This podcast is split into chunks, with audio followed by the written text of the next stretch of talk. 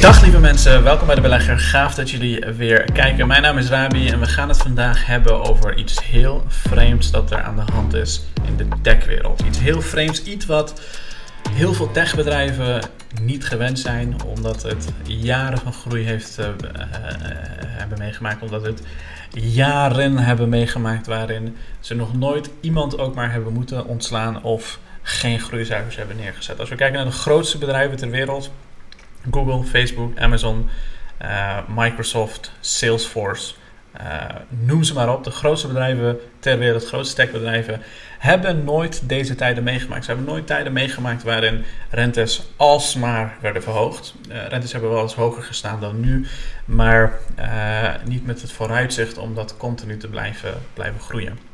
Ze hebben nooit tijden meegemaakt waarin ze een heel groot gedeelte van hun personeel zouden moeten ontslaan. sterker nog, wij kennen Google van dit soort zaken. A day in my life working from the Google LA office. I always grab some candy from the reception before heading in. This used to be an old aircraft hangar, so the decorations hanging from the ceiling kind of looks like an aircraft flying in. Before it was a Google office, this aircraft hangar belonged to Howard Hughes, so there's tons of memorabilia. Next, I'm gonna pass by these art installations. They're a really good photo op, or you can sit in there and get some work done. I'm gonna head to the coffee shop to grab some coffee and a fruit cup since I missed breakfast, and then I'm heading over to this butter butterfly themed room to take my first meeting. Then I'm going to head over to the confetti room to take my next meeting. It's so sparkly and beautiful in here. I love that a lot of our rooms are themed. Then I'm going to grab my two favorite drinks, which is this green tea and coconut water. Next, I'm going to go upstairs and grab some lunch. They always have pizza and a variety of different vegetables and meat. The food is always really good. And of course, everything you see in the office is free. On my way out of the cafe, I ran into a doogler, which is a dog googler, and ran into some ghosts. When they were renovating the office, there were a lot of spooky stories from the crew. So there's a whole area in the office where you can listen to them. Then I got more work done and headed over to the massage chairs to wrap up my day. Let me know what you want to see next. Goed, dat is wel een beetje wat we natuurlijk gewend waren van, uh, van, van, van bedrijven zoals Google en, en dergelijke. Ik heb zelf ook bij die, grootste, uh, bij die grote bedrijven gewerkt. En uh, het, het, is echt letterlijk zo. En in de oren van de gemiddelde persoon zou het klinken alsof het allemaal onnodige, bizarre kosten zijn die bedrijven eigenlijk helemaal niet zou moeten maken. Wat dus ook daadwerkelijk het geval is. Je ziet namelijk um, over de hele linie bij alle grote techbedrijven uh, activist investors, zoals een TCI bijvoorbeeld, die een heel groot belang neemt in Google, zo'n 6 miljard uh, in Google steekt. Met als idee om het bedrijf ook onder, een beetje onder druk te zetten en zeggen: joh, uh, kun je niet wat minder compensation, wat, wat minder gaan betalen aan, aan, aan jullie developers? Kun je niet wat hier en daar wat kosten gaan verlagen? Hetzelfde geldt voor uh, Salesforce. Salesforce is vandaag zo'n 5% omhoog gegaan. Waarbij een, uh, uh, zo'n zo'n activist investor, Elliott Management, een multi-billion dollar stake staat. Niet specifiek hoeveel uh, het is, maar meerdere miljarden in Salesforce stake. Salesforce is natuurlijk 151 miljard waard op de beurs. Dus ze hebben waarschijnlijk niet een enorm belang of iets dergelijks, maar wel een groot belang. Um, Salesforce is one of the preeminent software companies in the world, and having followed the company nearly two decades, we have developed a deep respect for Mark Benioff and what he has built. We look forward to working constructively with Salesforce to realize the value befitting a company of its stature. Dus zij willen dat, Facebook, oh, dat Salesforce, Mark Benioff, in dit geval Salesforce wat, wat, wat winstgevender maakt en ervoor zorgt dat Salesforce um, uh, ook, ook net zoveel waard is als dat het bedrijf daadwerkelijk waard is. Want Salesforce op dit moment uh, is een van de laagst gewaardeerde bedrijven ter wereld als je naar de grote techbedrijven kijkt.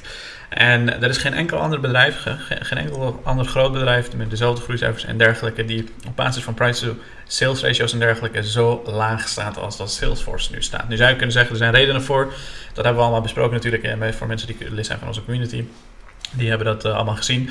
Maar even kort en gechargeerd gezegd, uh, is dit niet een Salesforce of een Alphabet probleem, probleem, maar dat zie je over de hele linie. Als we kijken naar hoeveel bedrijven mensen hebben moeten laten gaan, Google heeft er 12.000 laten gaan, Meta heeft er 11.000 laten gaan, Microsoft heeft er 10.000 laten gaan, Amazon heeft 10.000 laten gaan. Nog eens 8.000 door Amazon. Salesforce heeft 8.000, dat is 10% van het personeel laten gaan. Booking.com heeft 25% van het personeel laten gaan en Twitter 50%. Twitter is wat dat betreft dus ook overgenomen door een activistische investor genaamd Elon Musk, die het bedrijf compleet omgooit. En je ziet dit, dat, dat dit een trend is. Je ziet bij al die verschillende techbedrijven dat er een trend is waarbij activistische beleggers die jarenlang hebben gewacht om hun eh, cash te deployen, om hun geld uit te geven aan deze techbedrijven omdat ze relatief duur gewaardeerd waren, nu massaal geld beginnen te storten in deze bedrijven. En dat komt omdat er belachelijk veel potentie zit in deze bedrijven. Je zag net al waar Google zijn geld aan uitgeeft. Hè. Laten we even een, een hele korte berekening maken van uh, de gemiddelde salaris van, laten we zeggen, 50.000 euro. Dus laten uh, 12.000 man gaan. Uh, dan kom je uit op zo'n 600 miljoen winst die Google kan maken door alleen al een gedeelte van hun personeel te trimmen. Uh, nu is de gemiddelde salaris bij Google een stuk hoger dan die 50.000.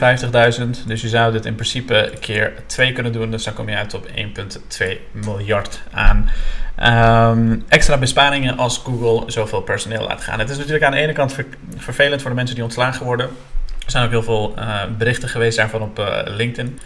Zo heeft deze ene Justin Moore um, zijn ongenoegen geuit. So after 16 and a half years at Google, I appear to have been let go via an automated account deactivation at 3 a.m. this morning as one of the lucky 12,000. I don't have any other information as I haven't received any of the other communications, the boilerplate you have been let go website, which now I also can't access.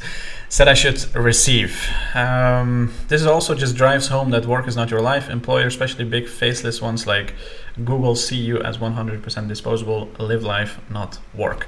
Kijk, deze techbedrijven hebben natuurlijk een fantastisch purpose-driven uh, missie gecreëerd, waardoor heel veel millennials, heel veel mensen bij deze techbedrijven wilden gaan werken, omdat het zulke geweldige voordelen heeft en had om daar te werken. De vraag is, gaat dat ook zo zijn de komende jaren? Die kans, is, uh, uh, die kans lijkt klein. Voor beleggers is dat alleen maar goed. Er, er, komt meer geld in het lijstje, er komt meer winst, er wordt beter gekeken naar wie ze aannemen, enzovoort, enzovoort. Voor de mensen daar zal het misschien wat minder leuk zijn. Um, maar dat is wel een beetje wat je natuurlijk ziet ook in deze post. Hè. De mensen vinden het die, die hebben een band met zo'n bedrijf. Als je daar wordt aangenomen, je krijgt gratis eten. Het is alsof je bij je moeder thuis komt in een warm bad.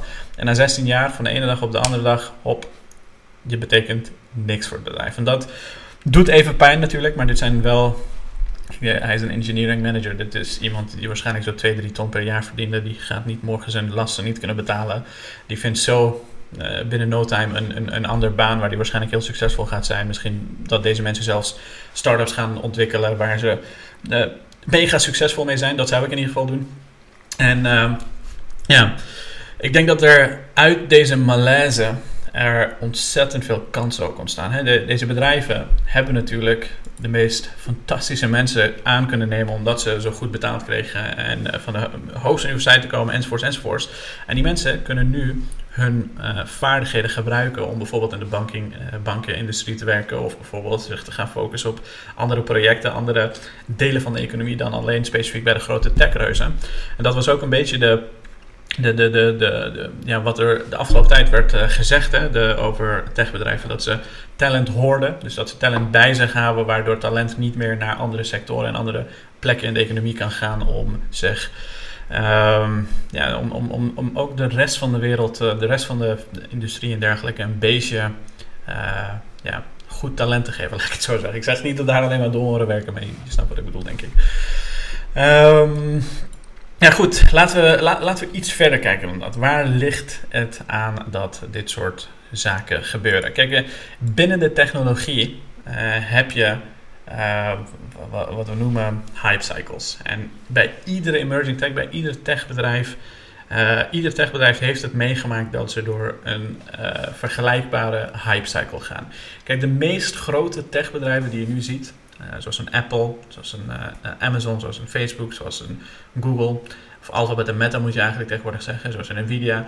Al die bedrijven hebben op een gegeven moment, op een gegeven moment in een loopbaan, laten we zeggen, meeste rond het jaar 2000 een hype cycle meegemaakt zoals deze. Dus als je ziet vanaf R&D dat er een start-up wordt gebouwd, uh, dat de eerste rondes komen, dat er geïnvesteerd in wordt, early adapters uh, beginnen het te uh, gebruiken, mass media hype begint. supplier proliferation. Dus dat ze eigenlijk zelf de, de, de, toekomst, de toekomst rooskleuriger zien dan dat het is. Um, negative press begins, super consolidation and failures, second round venture capital, less than 5% of the potential audience uh, starts uh, using it. En um, langzaamaan zie je dat het richting hyper, high growth adaptation gaat, waarin 20, 30% van de totale gebruikers het uh, begint te gebruiken. Uh, en dat zijn de fases waar meeste techbedrijven, meeste nieuwe technologieën doorheen gaan. Dus ook een Bitcoin is hier uh, meerdere keren doorheen gegaan. En zeker omdat Bitcoin relatief nieuw is geweest. Inmiddels denk ik wel dat het meer in deze fase zit. Er zijn veel meer mensen de, in, Nederland alleen al gebruikt uh, ruim. Uh, zo'n 15, 20 procent van de mensen crypto's heeft het bezit of heeft het wel eens een keer aangeschaft. Dus je zou kunnen zeggen, ja, Bitcoin zit steeds meer richting de climbing the slope fase dan, dan ergens anders. Um, maar alle technologieën gaan ongeveer zo. Kijk, de, de, de afgelopen tijd, tijdens de specfase, tijdens alles wat er allemaal aan de hand was, zag je heel veel nieuwe technologieën in de mass media hype uh, uh, beginnen. Dus je zag bijvoorbeeld uh, Virgin Galactic, waar ik zelf ook een gedeelte in had geïnvesteerd, omdat ik het best wel gaaf vond. Um, en op tijd uitgestapt. Um, Virgin Galactic is daar een voorbeeld van. De meeste EV-bedrijven, zoals een Lucid, een NIO en dat soort partijen.